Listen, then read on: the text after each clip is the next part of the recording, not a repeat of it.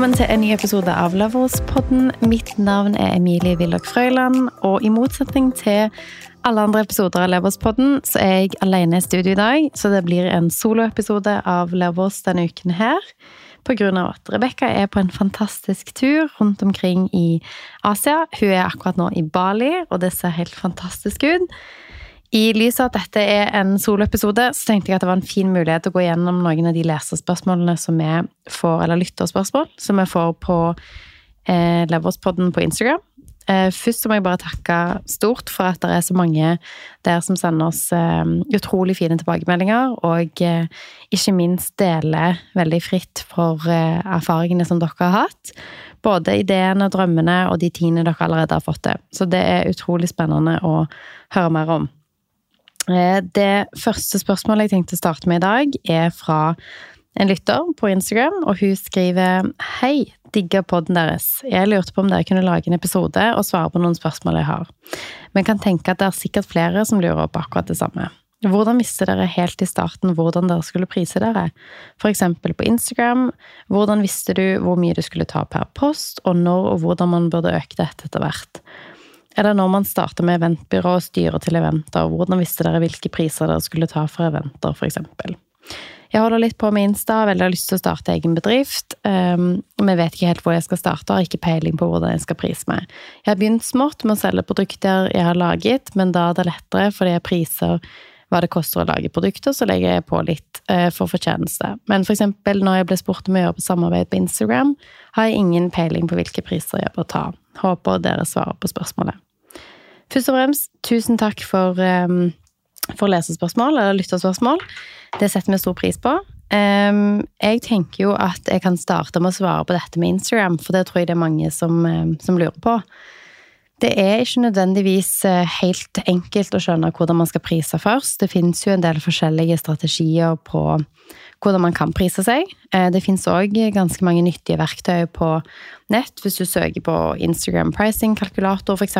på Google, så får man opp ganske enkle priseverktøy som kan måle eh, ut ifra både hvor mange følgere man har, eh, men nå i de siste tidene så har de òg blitt oppdatert til å faktisk hente ut informasjon fra Instagrammen din sjøl. Og da kan han på en måte beregne hva du bør prise ut ifra annet engasjementet du har på profilen din, eller rekkevidden du har, osv. Så, videre. så det er et veldig godt tips. Eh, de tingene fantes jo ikke i den samme graden når jeg begynte å prise mine Instagram-poster, eh, så da tok jeg litt mer ut ifra um, fra på en måte ja, rett og slett at jeg sparra med andre som jeg kjente, som som gjorde det samme og var i samme bransje. Um, og selvfølgelig benytta de kalkulatorene som var tilgjengelige. Så jeg ville sagt at hvis du tar utgangspunkt i at man prøver en sånn kalkulator, eh, legg inn og på en måte legg inn brukernavnet ditt. Da får du opp eh, hva type engasjementsscore du har, og eh, du kan òg legge inn hva du ønsker å prise ut. F.eks. at du ønsker prisen på én reel og én um, Instagram story. Så kalkulerer han det basert på hva engasjement du har. Så det kan være et veldig godt pekepinn, og hvis du er litt i startfasen, så kan det være lurt å bruke det som et utgangspunkt til å starte med. Og at man rett og slett eh, kanskje justerer ned litt, eller gir den prisen til kunden og sier at eh, dette er prisene mine, men eh, jeg har en kampanje gående, eller jeg kan tilby deg f.eks. 15 eller 20% rabatt på disse prisene. Eh, kanskje mot at man eh, ikke bare kjøper én post, men at man kanskje utvider samarbeidet over tid, eller at man har det som en sånn eh, oppstartstilbud da, for nye kunder. Så det er en fin mulighet. Og så vet jeg jo, det har vi snakket om tidligere òg, at det fins eh, flere eh, som jobber på Instagram som ikke nødvendigvis lever av å være influenser, men som produserer innhold. Og da tenker jeg at det er en god pekepinn å eh, se på hvordan eh, innholdet skal brukes, først og fremst. Si at man skal selge innhold til Nå bare sier jeg et eh, helt tilfeldig merke, men eh, til Apple, da. Og så skal Apple bruke dette i en landsdekkende reklame, eller de skal ha betalte annonseartikler på f.eks. VG. Da får det ganske stor rekkevidde, og da kan man prise um, bruken av ditt innhold ut ifra hvor mange som skal se det. Um, og så kan man selvfølgelig òg, litt sånn som hun som skriver til oss her, ta litt høyde for at uh, hun syns det er enklere når hun skal selge sine egne produkter, for da vet du hva tid du har brukt på det. Og det kan man jo tenke når man produserer innhold òg. Hvis det er en um, reel eller en video som tar lang tid å produsere, hvor du kanskje um, ja, filmer f.eks. på forskjellige lokasjoner, eller man tar lang tid med redigering, eller hva det skulle være, at man tar litt høyde for tiden det tar å produsere innholdet, eller hvis du f.eks. Eh, skal motta et produkt, og du må hente det, og det må monteres, eller altså alle de tingene som kan være en del av, av på en måte prosessen. Eh, så ta hensyn, ta det litt. Og så vil jeg jo si at en ting som har hjulpet meg mye, er jo rett og slett å eh, høre med de som på en måte er litt på samme sted som deg. Eh, det hjalp meg veldig når jeg starta med med Instagram at eh, vi starta litt samtidig som mange andre profiler, og vi hadde litt samme følgertall og samme engasjement og litt samme bransje i tillegg. Så det å på en måte ha et nettverk og venner som på en måte man kan sende en melding til, og det opplever jeg jo som ekstremt positivt at um, i hvert fall interiørmiljøet på Instagram har vært veldig åpne um, og deler veldig sånn fritt og at de aller fleste svarer jo på, på, spørsmål. Så når man er ny og bare sender en melding og bare sånn Hei, jeg har akkurat fått denne forespørselen, jeg ser at du har jobb med det selskapet, kan jeg høre du, hvordan du gjorde det? At det kan være en bra, bra start. Eh, min personlige erfaring er i hvert fall at eh, veldig mange er veldig villige til å hjelpe, og har lyst til å, å på en måte eh, gjøre at andre styrer under de feilene de kanskje har hatt i starten. Så det anbefaler jeg deg absolutt. Og så bruk en sånn kalkulator som et eh, godt utgangspunkt. Det tenker jeg eh, gir deg et holdepunkt som er basert på engasjementet du har på profilen din, og rekkevidde. Og så tar man eh, og går ut ifra det. Både opp og ned. Og når det kommer til del to av det spørsmålet i forhold til hvordan man priser eventbyrå, så er det alltid lurt å på en måte liksom, uavhengig av hva man starter i i forhold til bransje, at man gjøre seg litt sånn tanker og research rundt hvem er det som tilbyr disse tingene i det markedet som jeg skal starte i. Om du f.eks. driver med boligstyling og du bor i Bergen, eller du driver med konsulenttjenester og bor i Trondheim. Prøv å kartlegge litt hva andre tilbydere i ditt geografiske område tilbyr. Og nesten uavhengig av bransje så vil jeg anta at de fleste har nettsider eller kontaktflater, hvor du enten kan sende en henvendelse, ringe eller sjekke prislister på nett. Eh, sånn at man kan få en liten tanke rundt hva, hva er det ting koster. I forhold til eventbransjen, så um, Når Rebekka starta Backyard, så hadde hun jo jobbet i litt forskjellige roller i eventbyrå tidligere, og hadde liksom en god på en måte forståelse for eh, prisingen og budsjettstrukturen i den bransjen, så det hjalp jo selvfølgelig veldig. Um, og så begynte jo veldig med at hun ble leid inn til de forskjellige eventbyråene som konsulent og art director og litt ulike stillinger. Og da eh, kom jo den måte, erfaringen fra bransjen veldig godt med. Så da priste hun seg liksom ut ifra det hun visste var på en måte bransjestandard. Men hvis man ikke har på en måte den erfaringen, eller har hatt muligheten til å f.eks. jobbe i den bransjen du ønsker å starte i fra før av, så vil jeg anbefale å egentlig bare eh, søke opp bransjen din, og se om du finner noen av de andre tilbyderne, og eventuelt hva Hvordan type prisstrategi de har, og om det er noen, eh, noen offisielle prislister. Um, og så vil jeg òg tro for så vidt at uh, at hvis man tar kontakt med i hvert fall mindre selskaper, at de er veldig åpne om hva timesprisen din er. Sånn er det jo når vi får inn et potensielt oppdrag, så er jo det et av de første spørsmålene de spør om. Så det, det tror jeg man absolutt kan på en måte enten google seg fram til, eller, ehm, eller prøve å Um, og spør, rett og slett, i de eh, tilbyderne som man har rundt seg. Eh, det var et veldig bra spørsmål, og tusen takk for, eh, for en veldig fin melding òg. Det må vi jo òg bare si, at det, det, kan faktisk være litt overveldende å gå igjen på Instagram-innboksen vår, fordi det er så veldig mye fine meldinger, og lange meldinger, og sykt gøy å se hvor mye kjekt eh, og spennende og imponerende eh, dere som lytter, får til.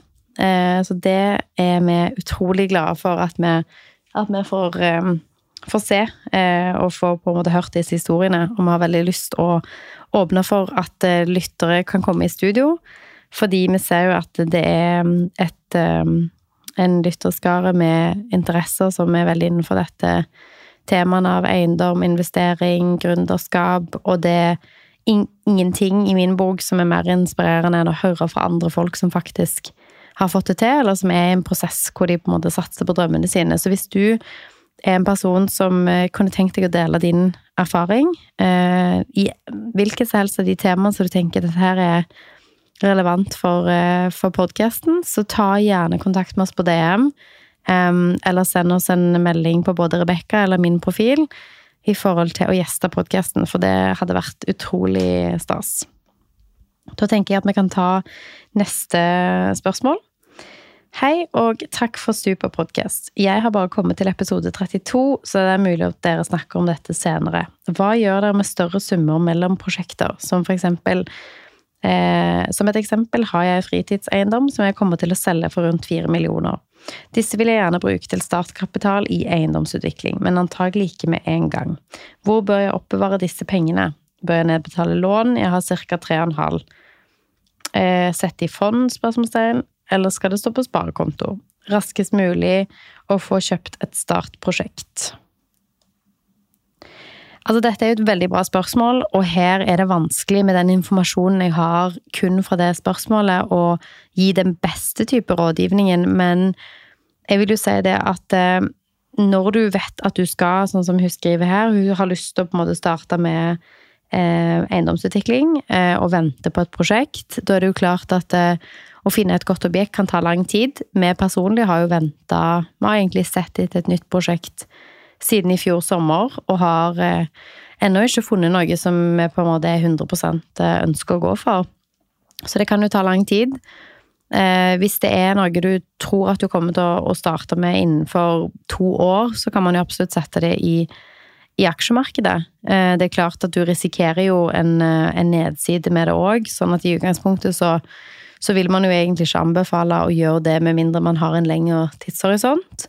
Jeg har sjøl gjort det eh, i perioder, og så har jeg da f.eks. tatt overskuddet fra tidligere prosjekter, og så delvis på en måte reinvestert noe og satt noe inn i fond. Altså at jeg har hatt en deler av overskuddet tilgjengelig i, på bankkonto, da kanskje på sparekonto, eh, fordi at jeg har visst at det har vært et, et mindre opphold mellom, eh, mellomtiden. Og det spørs litt hvordan du har lyst til å finansiere eiendomsutviklingen. Om du skal ha et AS som du starter, hvor du skal inn med noe startkapital, eller om du eh, kommer til å låne opp på primærboligen din. Og hvis det er tilfellet at du kommer til å låne opp på primærboligen din, så kan du selvfølgelig ta noe av overskuddet fra det salget og betale ned boliglånet ditt. Eh, da får du lavere kostnader i nåtid, um, fram til du skal kjøpe. Så kan du eventuelt låne opp og ta ut pengene igjen hvis du ønsker det, eller belåne det eksisterende, eh, eller sette det på det lånet du allerede har. Det spørs selvfølgelig hvordan du har tenkt å finansiere eiendomsprosjektene, men det er uansett eh, veldig spennende. Jeg tenker at eh, man må alltid på en måte prøve å tenke hva er det man ønsker, og hva er målet kortsiktig, langsiktig? Hvis du tror det er realistisk at du kommer til å få kjøpt noe i nær framtid, så vil jeg sagt ha pengene veldig tilgjengelig. Det er klart at da er sparekonto eller eventuelt å betale ned på eksisterende lån, og så for så vidt låne opp igjen på et senere tidspunkt, være kanskje det enkleste. Um, og eller eventuelt hvis du har tenkt å starte et, um, et selskap og investere i eiendom på den måten, prøv å skape deg en tidshorisont hvor du på en måte vet litt mer når du trenger pengene. For det vil være en av de første tingene man på en måte prøver å avdekke, at eh, noen av de tingene som denne personen nevner i meldingen, er jo eh, avhengig av litt lengre tidshorisont. Jeg har sjøl investert penger som skal brukes til eiendomsprosjekt, men da har jeg konkret valgt å på en måte dele opp overskuddet mellom prosjekter. Og det er jo et, eh, en del av dette spørsmålet her. Hva gjør dere med store summer mellom prosjekter?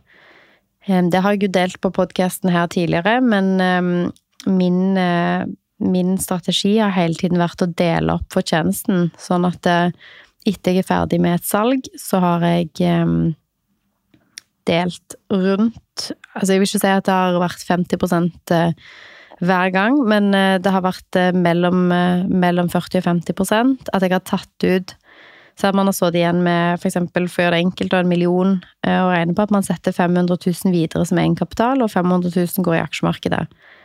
Og så er det klart at fordi vi har gjort hyppige prosjekter og vært kanskje i en salgsprosess mens man er i en oppussingsprosess, eller i en kjøpsprosess mens man holder på å pusse opp noe annet, så har det jo realistisk vært eh, en del av de pengene òg som har gått til å finansiere oppussingen av, av, det nye prosjektet, kanskje.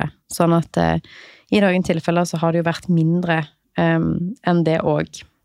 Sånn at det eh, varierer um, det varierer òg fra prosjekt til prosjekt. Men her ville jeg sagt at eh, prøv å være eh, Prøv å være litt obs på, på, tidshorisonten din, og uh, litt hvordan du har tenkt å finansiere de neste prosjektene ut ifra hvor du skal sette de pengene i mellomtiden.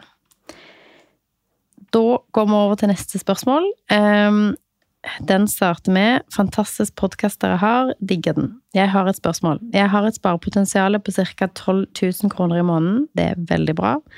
Um, har rett under 2 millioner i boliglån på en leilighet jeg ga 2,8 for. Jeg har en buffer på 45 000 og 230 000 i fond. Hva tenker dere at jeg burde legge opp for sparing? Eller legge opp sparingen? Jeg har per dags dato et fast trekk til fondssparing på 5000, og tenkte egentlig å betale ekstra på boliglånet i tiden fremover bør jeg heller øke sparingen i fond. Har en kommunal jobb, så skal ha en sikker og trygg jobb i årene fremover. Håper dere vil ta dere tid til å svare. Tusen takk for spørsmål. Eh, først og fremst stor applaus til deg. Du har jo virkelig lagt deg opp en bra økonomisk situasjon. Eh, du har eh, en god andel egenkapital. Du har eh, ja, du har 800 000 i egenkapital uten at man hensyntar at boligen kanskje òg har gått opp i verdi. Nå vet jeg ikke hvor denne personen befinner seg i Norge, men det er jo en sjanse for at det òg har vært en verdistigning siden denne personen kjøpte leiligheten. Det å òg ha et sparepotensial på 12 000 kroner i måneden er jo et kjempeutgangspunkt, og at du allerede sparer 5000 av de i dag, er jo supert. Eh, denne personen har allerede lagt seg opp en buffer og har penger i fond. Jeg tenker jo at eh, sparing er veldig individuelt, og det er veldig ut ifra hva mål man har. Eh, for meg personlig så har det alltid handla om å prøve å bygge seg opp to forskjellige solide, på en måte, på sikt inntektskilder. At man både har god egenkapital i i eh, boligen man eier. Ikke da fordi at eh, jeg syns det er så viktig å ha lite lån, det er jo kanskje viktigere nå når det er høyere renter, men um, fordi at jeg har brukt primærboligen min til å låne opp for å kjøpe prosjekter. Og da er det jo selvfølgelig viktig at du har en god egenandel som du da kan låne opp på. Og sekundært, det å ha penger i fond, ikke nødvendigvis for at jeg skal ta ut penger, eller at det er penger jeg skal bruke hvis et eller annet skjer, men rett og slett for at de pengene skal kunne stå over tid, og på sikt bli en inntektskilde, sånn som man ser i FIRE-miljøet. Så det jeg ville gjort først, var denne personen, var å tenke veldig på hva er min langsiktige plan. Eh, han skriver at han har en kommunal jobb og en sikker og trygg jobb i årene framover. Det er jo supert. Um, hvis du tenker at du ønsker f.eks. å kjøpe en sekundærbolig, kanskje drive med utleie, så har du jo litt du kan låne opp på den leiligheten du har i dag. Kanskje eh, man kan se litt på å både ehm, eh, betale ekstra ned på boliglånet i måneden, men òg samtidig legge opp litt ekstra på fondssparingen. Du har 5000 kroner i sparing i dag, og 12 000 i sparepotensialet. Da har du 7000 å gå på. Da ville jeg sagt um, hvis man ønsker å gå opp disse to mulighetene samtidig, så ville jeg tenkt at man kan um, rett og slett uh, øke fondssparingen med uh, at man deler det sparepotensialet på to. Og så betaler man inn ekstra på boliglånet med den ene halvdelen, og betaler inn ekstra på fond i den andre. Akkurat nå så er det jo høye boliglånsrenter, og um, Eh, man har jo selvfølgelig på en måte høye faste kostnader, sånn at det, det er jo alltid pluss å øke øke egenkapitalen man har i en bolig. Og det er kanskje viktigere hvis man kjenner et press på de månedlige kostnadene. Han skriver jo her at han har et godt sparepotensial. Og uh, uten at jeg vet hva målsetninger han har personlig, um, så, så, anbefaler jeg han jo her å gjøre det samme som jeg personlig gjør, og det er jo å dele det mellom både um, å nedbetale på lån, altså bygge egenkapital, og legge opp penger i fond. han har allerede en god buffer, så han trenger ikke gjøre noe med det, og han har allerede penger i fond. Så sånn som den situasjonen han har nå, så har han uten verdiøkningen på leiligheten, så har han jo 800 eh, 000 i egenkapital og 230 000 i fond. Så han har jo på en måte en, en vektning per i dag eh, mot eiendom med eh, ganske betydelig mye mer enn det han har i fond. Så du kan jo avveie om du ønsker å dele det sparepotensialet du har 50-50, eller om du ønsker å ha en høyere vektning på sparing i fond, med tanke på at du per nå har større del av formuen din i bolig, og hvis du ønsker å på en måte fordele vektningen litt mer mellom to aktive klasser, altså både fondssparing og eiendom. Det er jo noe man, eh, man er nødt til å kjenne litt på, på sjøl. Um, uh, da var det et par av de spørsmålene. Vi har ganske mange flere, så jeg kommer til å dele det litt opp, sånn at vi får eh, får svart på alle eh, samtidig. Eh, vi har òg fått en del spørsmål om hvordan eh, man kan booke time, så jeg tenkte å ta et siste spørsmål i denne episoden her, fordi det handler om eh, Levels Consulting. Og denne her går sånn som dette. Hei, hei. Jeg hørte om Levels og hørte første episode i slutten av oktober. Er allerede à jour med alle episodene som er ute. Det er veldig tydelig at jeg syns det er utrolig spennende det dere snakker om. Jeg er i fasen med å starte virksomheter og kunne gjerne tenkt meg litt Levels Consulting. Når har dere eventuelt mulighet, og hvordan booker man time? Veldig kjekt at du tar kontakt. Superkult at du har lyst å ha eh, Levels Consulting-time. Ehm, akkurat nå så jobber vi med Levels Podden sine nettsider, og der har vi eh, på sikt muligheten for å gjør bookinger direkte på nettsiden. Det er leverspodden.com. Per nå så er det kun link til episodene våre og litt informasjon om meg og Rebekka, men du kan booke Levels consulting-timer via DM på Instagram. Og sånn som det er nå, så er både Rebekka og meg tilgjengelig for timer. Så det du gjør, er at du sender oss en melding på Levelspodden på Instagram og skriver at du ønsker å booke en time. Og så skriver du hvem du ønsker å booke timen med. Og da kan du skrive enten Rebekka eller meg. Vi har òg tidligere hatt eh, dobbelttime, hvor vi har begge to som deltakere. Og det er helt opp til deg. Eh, det er jo masse temaer som, eh, som vi kan snakke om. Og noen av de er eh, kanskje mer relevant for Rebekka, og andre er for meg. Men eh, der står du helt fritt til å velge hvem du ønsker å ha timen med sjøl. Så da er det bare å gå inn på Leverpodden på Instagram og sende DM hvis du er interessert i å booke en time. Det var alt jeg hadde for eh, i dag. Det var eh, spennende å lese alle de fine meldingene fra dere, og eh, høre litt på de tingene som, eh, som, dere tenker på nå. Fortsett gjerne å sende inn DM på Leverspodden. Vi syns det er supergøy å høre alt det spennende dere gjør. Og så snakkes vi neste uke. Ha det!